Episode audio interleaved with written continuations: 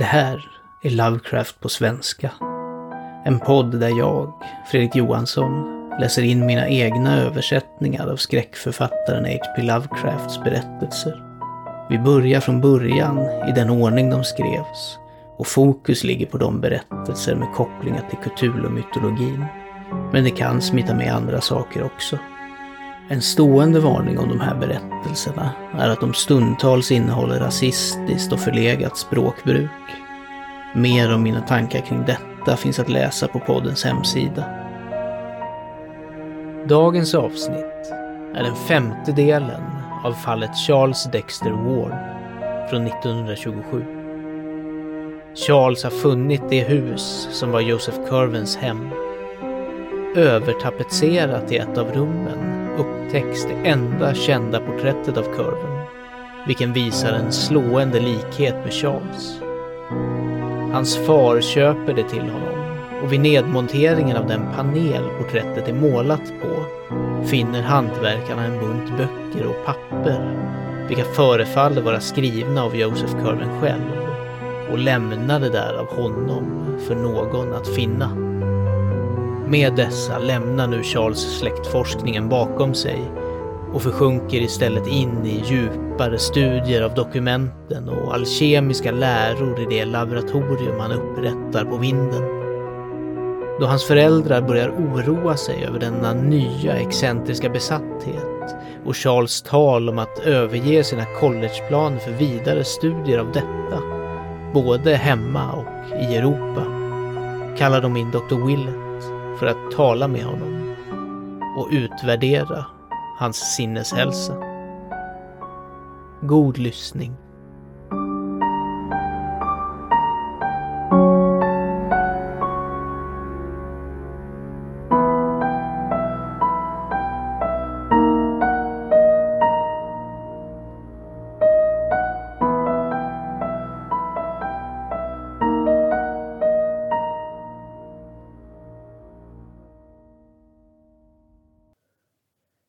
Fallet Charles Dexter Ward Del 5 Kapitel 3 Ett sökande och ett framkallande 4 Det var framåt maj när Dr. Willett, på begäran av Ward Senior, förstärkt med alla de kurvenuppgifterna som familjen hade snappat upp från Charles under hans icke hemlighetsfulla dagar, talade med den unge mannen. Intervjun var av lite värde eller slutgiltighet. För Willett kände i varje ögonblick att Charles var genomgående mästare över sig själv och i kontakt med frågor av verklig betydelse. Men det tvingade åtminstone den hemlighetsfulla ungdomen att ge en rationell förklaring för hans uppförande på senare tid. Ward var av en blek, likgiltig typ som inte visade förlägenhet lätt och verkade vara redo att diskutera sina sysslor, men inte att avslöja deras syfte. Han uppgav att hans förfaders papper hade innehållit några anmärkningsvärda hemligheter av tidig vetenskaplig kunskap, mestadels i skiffer, tydligen i en omfattning jämförbar endast med Broder Bacons upptäckter och kanske överträffade de även dessa. De var emellertid meningslösa utom när de korrelerades med en mängd lärdomar som nu var föråldrade, så att deras omedelbara presentation för en värld utrustad endast med modern vetenskap skulle beröva dem all deras imponerande och dramatiska signifikans.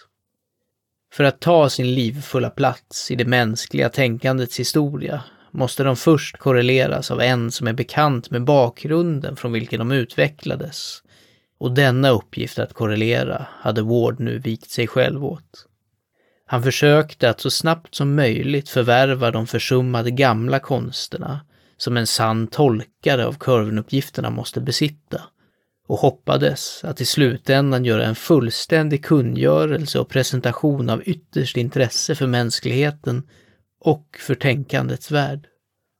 Inte ens Einstein, deklarerade han, kunde grundligare revolutionera den nuvarande uppfattningen om saker och ting. När det gällde hans begravningsplatssökande, vars mål han fritt erkände, Men om detaljerna vars framsteg han inte berättade om sa han att han hade anledning att tro att Joseph Curvens vanställda gravsten bar vissa mystiska symboler, inristade enligt instruktioner i hans testamente och okunnigt skonade av dem som hade utplånat namnet, vilka var helt avgörande för den slutgiltiga lösningen av hans kryptiska system. Curven, trodde han, hade velat vakta sin hemlighet med omsorg och hade följaktligen distribuerat uppgifterna på ett ytterst märkligt sätt. När Dr. Willett bad om att få se de mystiska dokumenten visade Ward stor motvilja och försökte avleda honom med sådana saker som fotokopiorna av Hutchinson-skiffret och ornformlerna och diagrammen, men visade honom till slut utsidan på några av de verkliga kurvenfynden. Journal och anteckningar, skiffret, även titeln i skiffret och det formelfyllda meddelandet till han som ska komma efter och lät honom snegla inuti sådana som var i oklara tecken. Han slog också upp en sida i dagboken, noggrant utvald på grund av dess harmlöshet, och gav Willet en glimt av kurvens sammanhängande handstil på engelska. Doktorn noterade mycket noggrant de sneda och komplicerade bokstäverna och den allmänna auran av 1600-talet som klängde sig fast både i skriften och stilen, trots författarens överlevnad in på 1700-talet och blev snabbt säker på att dokumentet var äkta. Texten i sig var relativt trivial och Willet mindes endast ett fragment. Onsdag 16 oktober 1754. Min slupp Wakeful kom idag in från London med 20 nya män hämtade i Indien, spanjorer från Martineco och två holländare från Surinam. De holländska männen kommer sannolikt att desertera eftersom de har hört att något är fel med dessa företag. Men jag ska se till att förmå dem att stanna. För Mr Knight Dexter av Boy and Knight 120 stycken kamlott, 100 stycken blandat kamlotin, 20 stycken blått duffeltyg, 100 stycken chalon, 50 stycken kalamink, 300 stycken var, Chensoy och humhums. För Mr Green vid Elephant 50 gallongrytor, 20 sängvärmare, 15 bakgrytor, 10 par röktänger. För Mr Periog ett set med sylar. För Mr Nightingale 50 buntar prima papper. Sade Sabaoten tre gånger förra natten, men inget framträdde. Jag måste höra mer från Mr H i Transylvanien, fast det är svårt att nå honom. Och oerhört märkligt att han inte kan ge mig användning av det han har så gott använt under dessa hundra år. Simon har inte skrivit dessa fem veckor, men jag väntar snart att höra från honom. När Dr. Willett nådde denna punkt vände han på bladet, men blev snabbt hejdad av Ward som nästan ryckte boken ur hans grepp. Allt som doktorn hade en chans att se på den nyöppnade sidan var ett par korta meningar, men dessa dröjde märkligt nog ihärdigt kvar i hans minne. Det stod Versen från Liber Damnatus ska sägas fem korsmässor och fyra helgonsnätter. Jag är hoppfull att saken avlas utanför sfärerna. De kommer att dra en som ska komma, om jag kan se till att han ska vara. Och han skall tänka på förflutna saker och se tillbaka genom alla år mot det vilket jag måste ha salterna redo, eller att skapa dem med. Willet såg inget mer, men på något sätt gav denna lilla glimt en ny och vag skräck åt Joseph Curvens målade drag, vilka stirrade slätstruket ner från spiselkransen. Alltid efter det hyste han en märklig inbildning, vilket hans medicinska färdighet såklart försäkrade honom endast var en inbildning, att ögonen på porträttet hade en sorts önskan, om inte en faktisk tendens, att följa unge Charles Ward när han rörde sig runt i rummet. Han stannade till innan han gick för att studera bilden noggrant, förundrades över dess likhet med Charles och memorerade varje minutiös detalj av det kryptiska färglösa ansiktet, till och med det lilla ärret eller gropen i den släta pannan ovanför höger öga. Cosmo Alexander, beslutade han, var en målare värdig det Skottland som skapat Rayburn och en lärare värdig sin berömda elev Gilbert Stuart.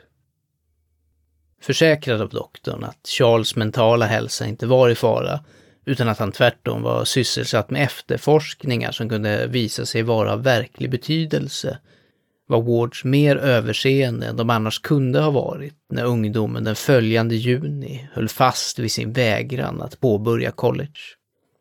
Han hade, deklarerade han, studier av mycket viktigare betydelse att bedriva och antydde en önskan om att åka utomlands följande år för att begagna sig av vissa informationskällor som inte existerade i Amerika. Den äldre Ward, medan han nekade den senare önskan, vilken var absurd för en pojke på endast 18, gav efter gällande universitetet. Så att efter en inte allt för lysande examen på Moses Brown School följde det för Charles en treårsperiod av intensiva okulta studier och gravplatssökningar. Han blev ansedd som en excentriker och försvann än mer fullständigt från åsynen av sin familjs vänner än han hade tidigare, höll sig nära sitt arbete och genomförde endast stundtals resor till andra städer för att konsultera obskyra register.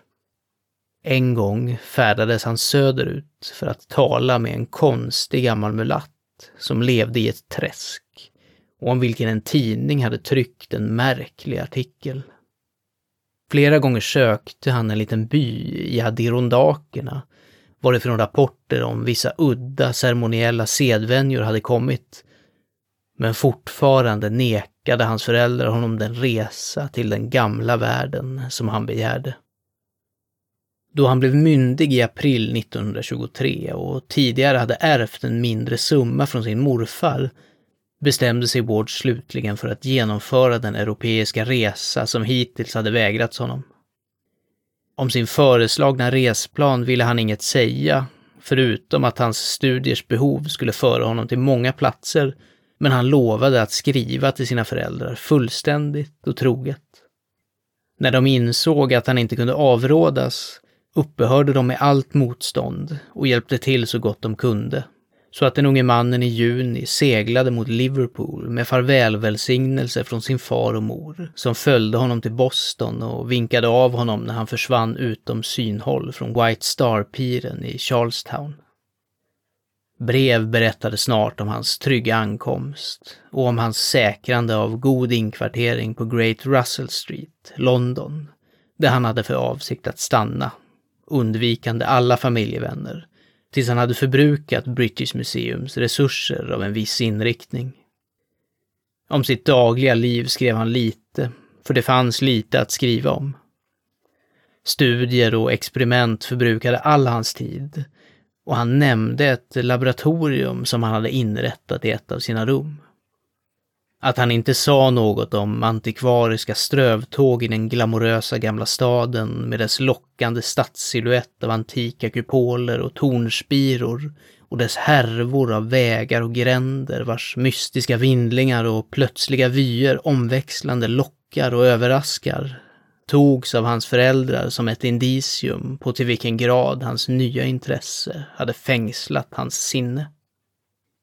I juni 1924 berättade ett kortfattat meddelande om hans avresa till Paris, dit han tidigare hade gjort en eller två flygresor för material i Bibliothèque Nationale. Under tre månader därefter sände han endast vykort, angav en adress på Rue de Saint-Jacques och hänvisade till ett speciellt sökande bland sällsynta manuskript i biblioteket hos en icke namngiven samlare. Han undvek bekanta och inga turister förde med sig rapporter tillbaka om att de hade sett honom. Sedan uppstod en tystnad. Och i oktober mottog Wards ett bildkort från Prag, Tjeckoslovakien, som meddelade att Charles var i den forntida staden i syfte att konferera med en viss mycket åldrad man som påstods vara den sista levande innehavaren av någon mycket märklig medeltida information. Han angav en adress i Newstad och tillkännagav ingen flytt förrän den följande januari när han sände flera kort från Wien som berättade om hans genomresa av den staden, på väg mot en mer östlig region, varthän en av hans korrespondenter och kamratliga utforskare av det okulta hade bjudit in honom. Nästa kort var från Klausenburg i Transylvanien och berättade om Wards framskridande mot sin destination. Han skulle besöka en baron Ferenzi vars gods låg i bergen öster om Rakus och kunde adresseras till Rakus i den adelsmannens försorg. Ett annat kort från Rakus en vecka senare, där det stod att hans världsvagn hade mött upp honom och att han skulle lämna byn för bergen, var hans sista meddelande under en betydande tid. Faktiskt så svarade han inte på sina föräldrars frekventa brev förrän i maj, då han skrev för att avskräcka sin mors plan för att träffas i London, Paris eller Rom under sommaren när de äldre Wards planerade att resa i Europa. Hans efterforskningar, sa han, var sådana att han inte kunde lämna sin nuvarande inkvartering, medan läget för baron Ferenzis slott inte gynnade besök.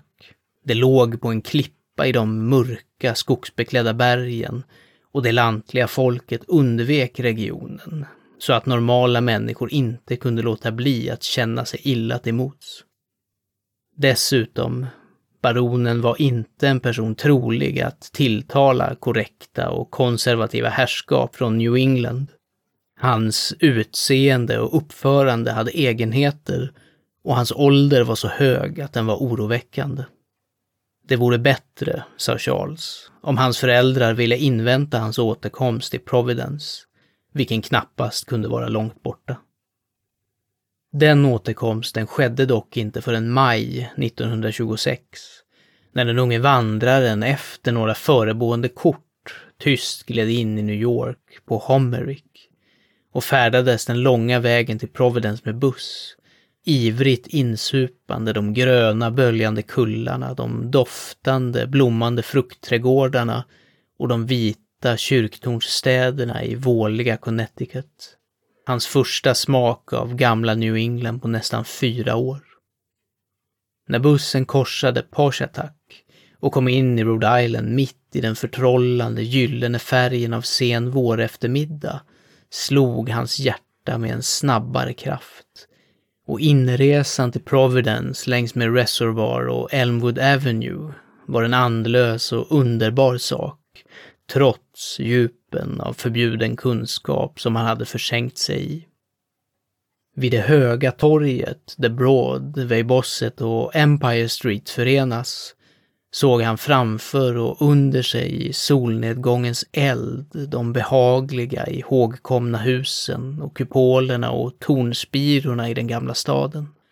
Och hans sinne svämmade märkligt över när fordonet rullade ner till terminalen bakom Biltmore och förde in i vy den stora kupolen och den mjuka takgenomträngande grönskan på den antika kullen tvärs över floden och den höga koloniala spiran på First Baptist Church, målad rosa i det magiska kvällsljuset mot den friska vårtidens ljusgröna plötsliga bakgrund.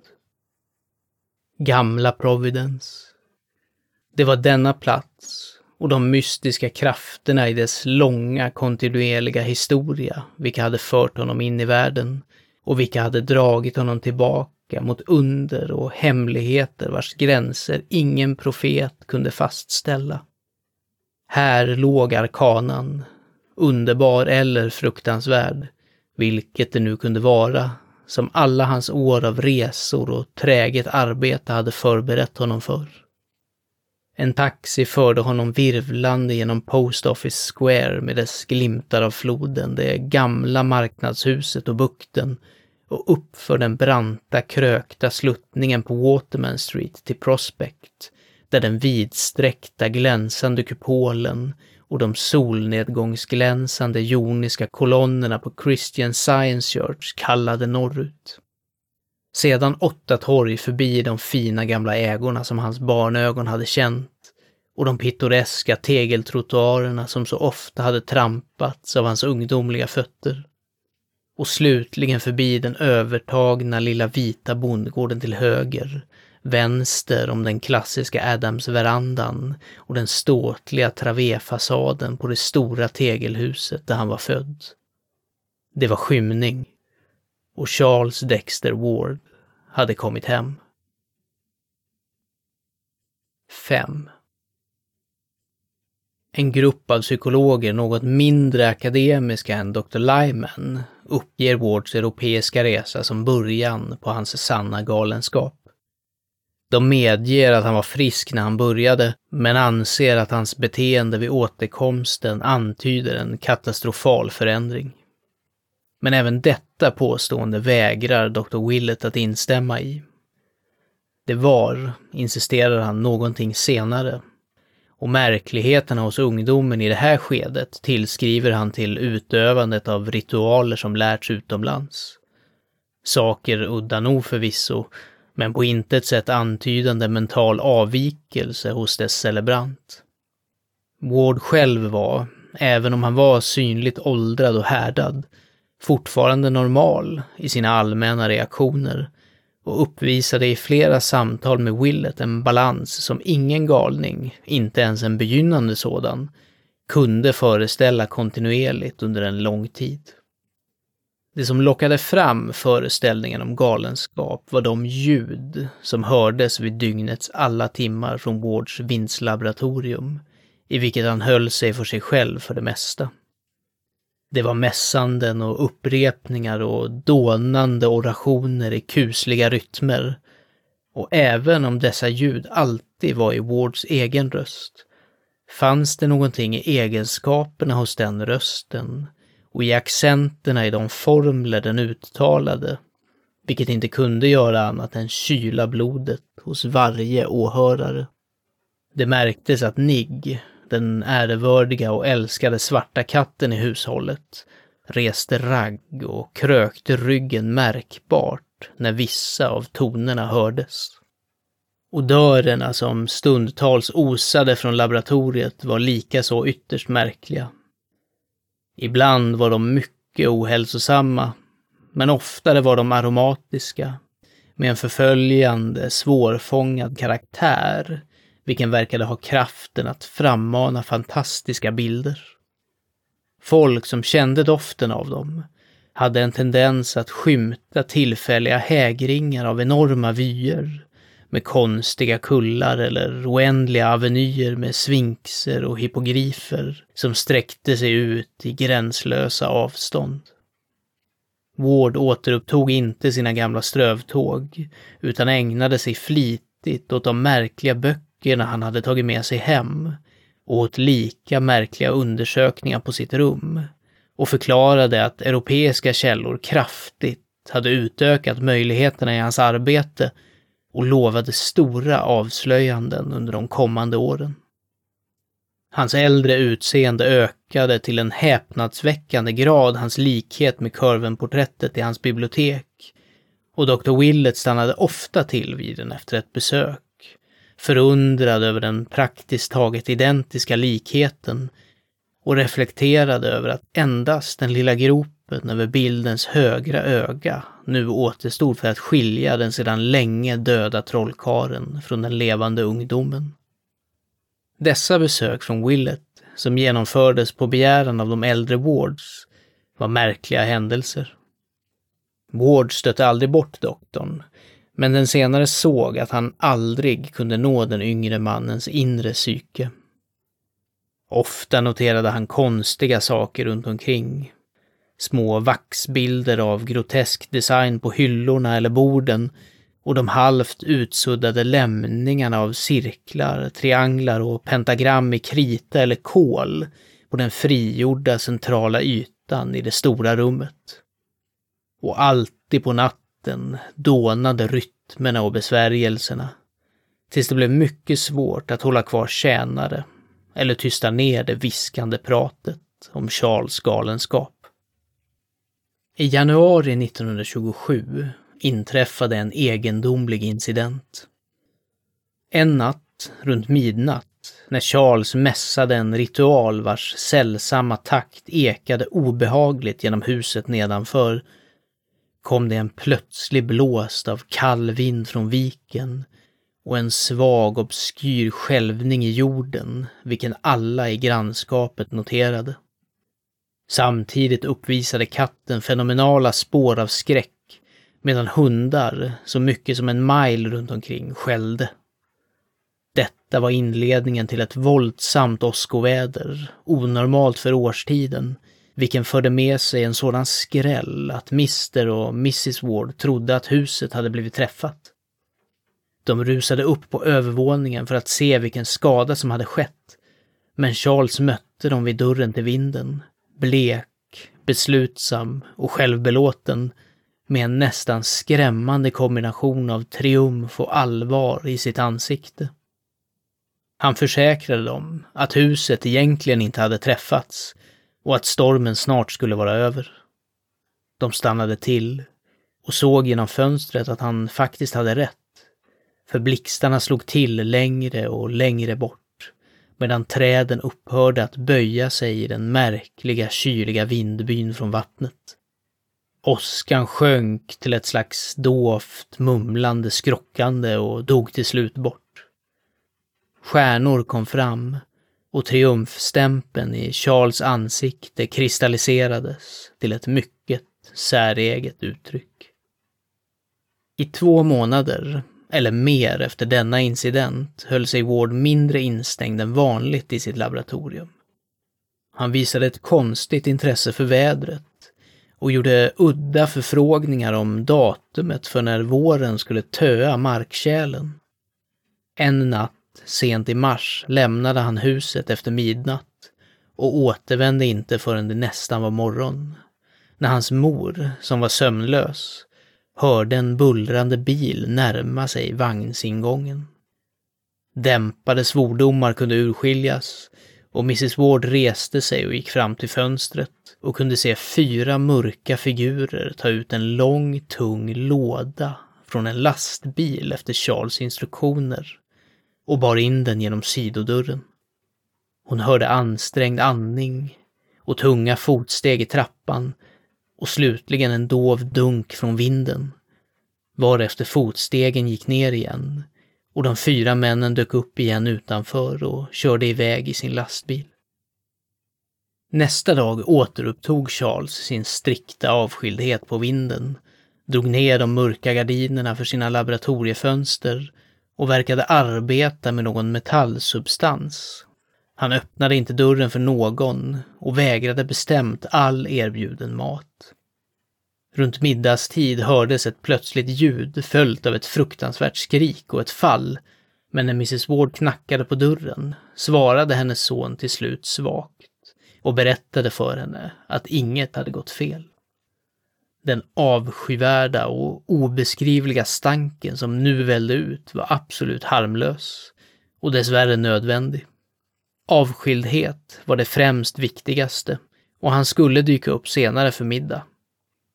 Den eftermiddagen, efter avslutningen av några udda väsande ljud vilka kom bakom den låsta dörren, dök han äntligen upp, bärande en extremt sliten uppsyn och förbjöd någon från att gå in i laboratoriet under några som helst förevändningar. Detta, verkligen, visade början på en ny policy av hemlighetsmakeri.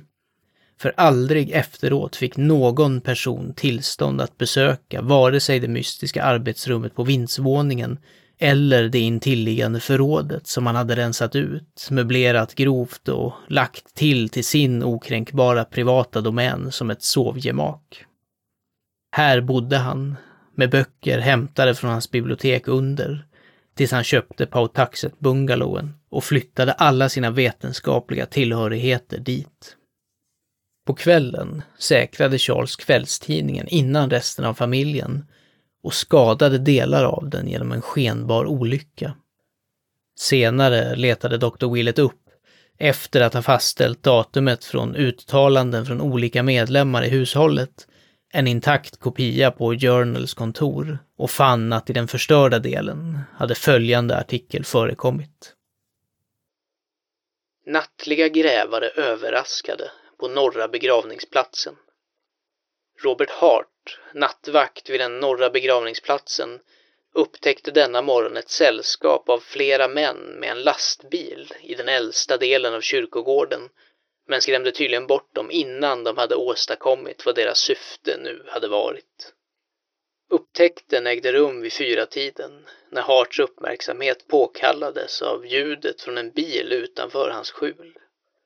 När han undersökte såg han en stor lastbil på huvudvägen köra flera längor bort men kunde inte nå den innan ljudet av grus under hans fötter hade avslöjat hans närmande. Männen placerade hastigt en stor låda i lastbilen och körde iväg mot gatan innan de kunde konfronteras.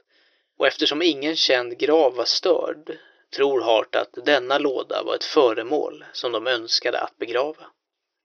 Grävarna måste ha arbetat länge innan de upptäcktes för Hart fann ett enormt hål grävt på ett avsevärt avstånd från vägbanan i området Amasa Field, där de flesta gamla stenarna för länge sedan har försvunnit. Hålet, en plats lika stor och djup som en grav, var tomt och sammanföll inte med någon begravning som nämnts i gravplatsens register. Sergeant Riley från den andra stationen tittade på platsen och menade att hålet grävdes av smugglare som på ett ganska grymt och genialiskt sätt sökt efter en säker gömma för sprit på en plats som sannolikt inte skulle bli störd. Som svar på frågor sa Hart att han trodde att den flyende lastbilen hade gett sig av i riktning mot Rochambeau Avenue, fast han kunde inte vara säker. Under de följande dagarna sågs Ward sällan av sin familj. Efter att ha lagt till sovgemaket till sitt vindsrike höll han sig för sig själv där, beställde mat genom dörren och tog den inte förrän tjänarna hade gått iväg. Drönandet av monotona formler och mässandet av bizarra rytmer återkom i intervaller, medan enstaka lyssnare vid andra tillfällen kunde upptäcka ljudet av klingande glas, väsande kemikalier, rinnande vatten eller dånande gaslågor. Odörer av det mest oklassificerade slaget, helt olikt något som tidigare noterats, hängde ibland runt dörren. Och luften av spänning som kunde observeras hos den unge enstöringen när helst han kort dristade sig fram var sådan att den väckte de skarpaste spekulationer. En gång gjorde han en hastig resa till Atenumet för en bok han behövde och återigen anlitade han en budbärare för att hämta honom en mycket obskyr volym från Boston. Det låg en illavarslande spänning över hela situationen och både familjen och Dr. Willett erkände sig helt rådlösa över vad man kunde göra eller tänka om saken. 6. Då, den 15 april, inträffade en märklig utveckling. Även om ingenting verkade ändra sin natur skedde det verkligen en fruktansvärd skillnad i flera grader och Dr. Willett fäster på något sätt stor signifikans vid förändringen. Dagen var långfredagen, en omständighet som tjänarna gjorde mycket av men som andra helt naturligt avfärdar som en irrelevant tillfällighet. Sent på eftermiddagen började unge Ward upprepa en formel med en ovanligt hög röst, samtidigt som han brände ett ämne så fränt att dess ångor strömmade ut i hela huset. Formen var så tydligt hörbar i hallen utanför den låsta dörren att Mrs Ward inte kunde undvika att memorera den medan hon väntade och lyssnade ängsligt. och senare kunde hon skriva ner den på Dr. Willets förfrågan.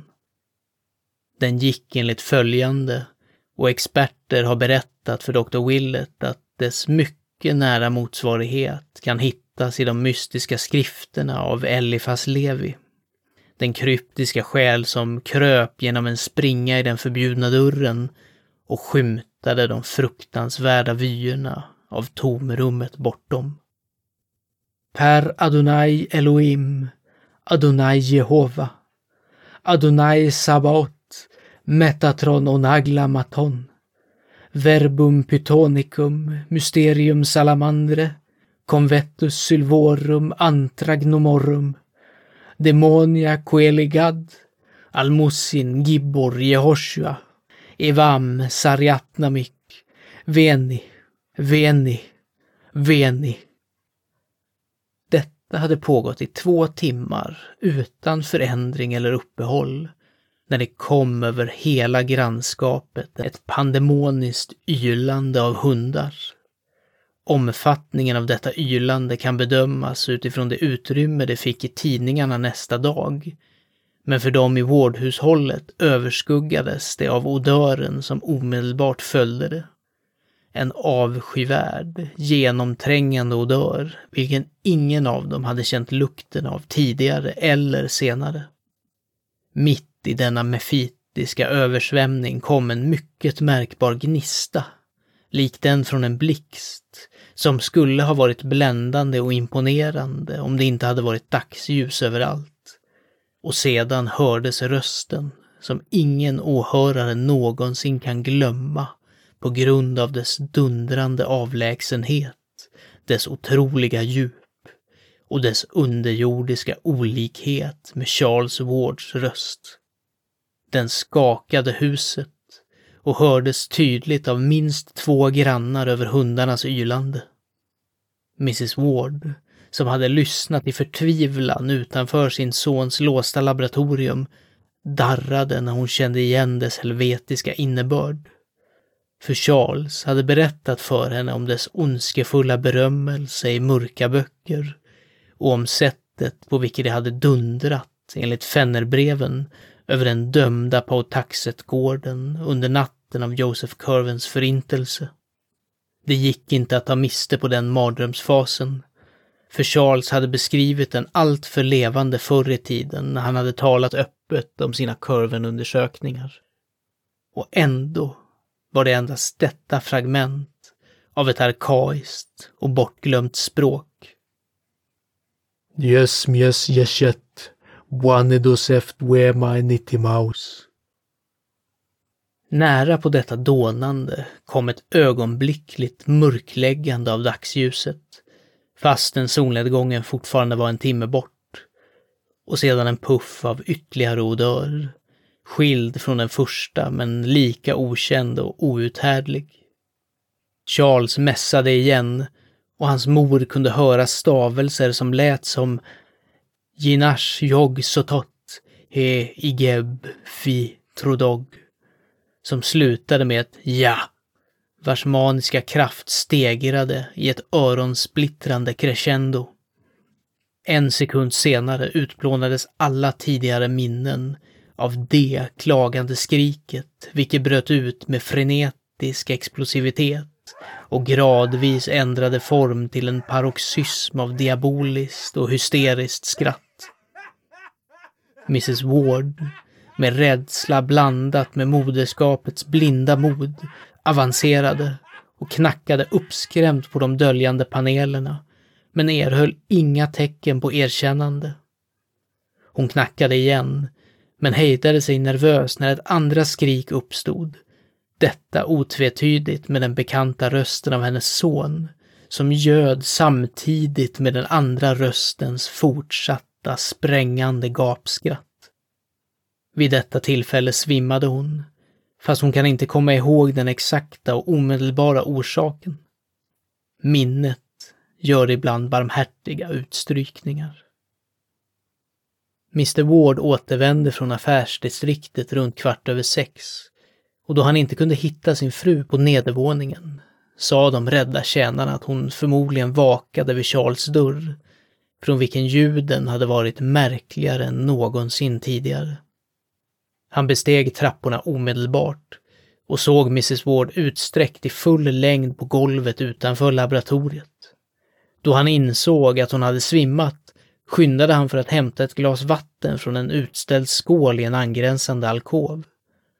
När han kastade den kalla vätskan på hennes ansikte stärktes han av att observera ett omedelbart svar från hennes sida och såg hur förbryllat hennes ögon öppnades när en kyla gick genom honom och hotade att reducera honom till det tillstånd som hon kom ut ur. För det till synes tysta laboratoriet var inte så tyst som det hade verkat, utan innehöll mumlandet av en spänd, dov konversation i toner som var för låga för att förstå, men ändå av ett slag som var djupt störande för själen. Det var naturligtvis inget nytt för Charles att muttra formler, men detta muttrande var definitivt annorlunda. Det var så påtagligt en dialog, eller en imitation av en dialog, med de vanliga ändringarna i tonfall som antydde fråga och svar, uttalande och replik. Den ena rösten var oförklätt den av Charles, men den andra hade ett djup och en hålighet vilken ungdomens bästa uttryck av ceremoniell mimik knappast hade närmat sig tidigare. Det var något avskyvärt, blasfemiskt och abnormalt med den. Och utan ropet från hans tillfrisknande hustru som rensade hans sinne genom att väcka hans beskyddarinstinkter är det inte troligt att Theodore Howland Ward kunde ha fortsatt att ståta med under nästan ett år till hans gamla stolthet att han aldrig hade svimmat. Som det var tog han sin hustru i sin famn och bar henne snabbt nerför trappan innan hon la märke till de röster som så hemskt hade stört honom. Även så var han inte snabb nog för att undgå att själv fånga upp något, vilket fick honom att farligt vackla till med sin börda. För Mrs Wards rop hade tydligen hörts av andra än han själv och bakom den låsta dörren hade de första urskiljbara orden kommit, som det maskerade och fruktansvärda samtalet hade gett. Det var endast en upphetsad varning i Charles egen röst, men på något sätt innebar dess implikation en namnlös skräck för fadern som hörde den. Frasen var endast detta. Shh! Skriv! Mr och Mrs Ward konfererade en lång stund efter middagen och den förra beslutade sig för att ha ett bestämt och allvarligt samtal med Charles redan samma kväll. Oavsett hur viktigt syftet var kunde sådant beteende inte längre tillåtas. För denna senaste utveckling överskred varje gräns av förnuft och utgjorde ett hot mot hela hushållets ordning och nervösa välbefinnande. Ynglingen måste verkligen fullständigt ha tappat fattningen eftersom endast regelrätt galenskap kunde ha föranlett de vilda skrik och imaginära konversationer i föreställda röster vilken denna dag hade fört fram. Allt detta måste stoppas, annars skulle Mrs Ward bli sjuk och att behålla tjänare skulle bli en omöjlighet. Mr Ward reste sig upp vid slutet av måltiden och gick upp för trapporna till Charles laboratorium. På tredje våningen däremot stannade han till när han hörde ljud som kom från hans sons nu oanvända bibliotek. Böcker kastades tydligen omkring och papper fladdrade vilt och när Mr Ward klev mot dörren såg han ynglingen där inne. Ivrigt samlande en stor famn litterärt material av varje storlek och form. Charles uppsyn var mycket utmärglat och slitet och han släppte hela sin börda när han ryckte till vid ljudet av sin fars röst. På den äldre mannens befallning satte han sig ner och lyssnade under en längre tid på de förmaningar han så länge hade förtjänat. Det uppstod ingen scen. I slutet av tillrättavisningen höll han med om att hans far hade rätt och att hans ljud, muttranden, besvärjande och kemiska odörer sannerligen var oförlåtliga olägenheter. Han gick med på en policy om större tystnad, men insisterade på en förlängning av hans extrema avskildhet. Mycket av hans framtida arbete, sa han, var hur som helst ren bokforskning och han kunde skaffa logi någon annanstans för sådana vokala ritualer som kunde bli nödvändiga i ett senare skede. För sin mors skräck och svimmande uttryckte han den största ånger och förklarade att konversationen som senare hördes var en del av en utarbetad symbolism utformad för att skapa en viss mental atmosfär. Hans användning av krångliga tekniska termer gjorde Mr Ward något förvirrad, men intrycket när de skildes åt var ett av obestridligt förstånd och hållning trots en mystisk spänning av största allvar. Intervjun var egentligen ganska ofullständig och när Charles tog upp sin famn med böcker och lämnade rummet visste Mr Ward knappt vad han skulle tro om hela saken. Den var lika mystisk som den stackars gamle Niggs död, vars stelnade form hade hittats en timme tidigare i källaren, med stirrande ögon och en mun förvriden av rädsla. Driven av en någon vag detektivinstinkt tittade nu den förbryllade föräldern nyfiket på de tomma hyllorna för att se vad hans son hade tagit upp till vinden. Ungdomens bibliotek var tydligt och strikt klassificerat så att man med ett ögonkast kunde se vilka böcker, eller åtminstone vilken typ av böcker som hade tagits bort. Vid detta tillfälle var Mr Ward förvånad över att finna att ingenting av det okulta eller det antikvariska, utöver det som tidigare hade avlägsnats, saknades. Dessa nya uttag var alla om moderna ämnen. Historia, vetenskapliga avhandlingar, geografi, litteraturhandböcker, filosofiska verk och vissa samtida tidningar och tidskrifter. Det var ett mycket märkligt skifte från Charles Wards senaste läsning och fadern stannade upp i en växande virvel av förvirring och en uppslukande känsla av sällsamhet. Sällsamheten var en mycket skarp känsla och nästan klöste i hans bröst när han strävade efter att se vad som var fel runt omkring honom. Någonting var verkligen fel och påtagligt såväl som andligt. Ända sedan han kommit in i detta rum hade han vetat att någonting var fel. Och till sist gick det upp för honom vad det var. På den norra väggen reste sig fortfarande den gamla snidade spiselkransen från huset vid Olney Court. Men över de spruckna och prekärt restaurerade oljefärgerna på det stora kurvenporträttet hade en katastrof inträffat. Tiden och ojämn uppvärmning hade gjort sitt till slut. Och någon gång sedan rummets senaste städning hade det värsta inträffat. Då färgen hade flagnat bort från träet, krullat sig hårdare och hårdare och slutligen vittrat sönder i små bitar i vad som måste ha varit en elakartad tyst plötslighet hade porträttet av Joseph Curven för alltid gett upp sin stirrande övervakning av ungdomen den så märkligt liknade och låg nu utspridd på golvet som ett tunt täcke av fint blågrått damm.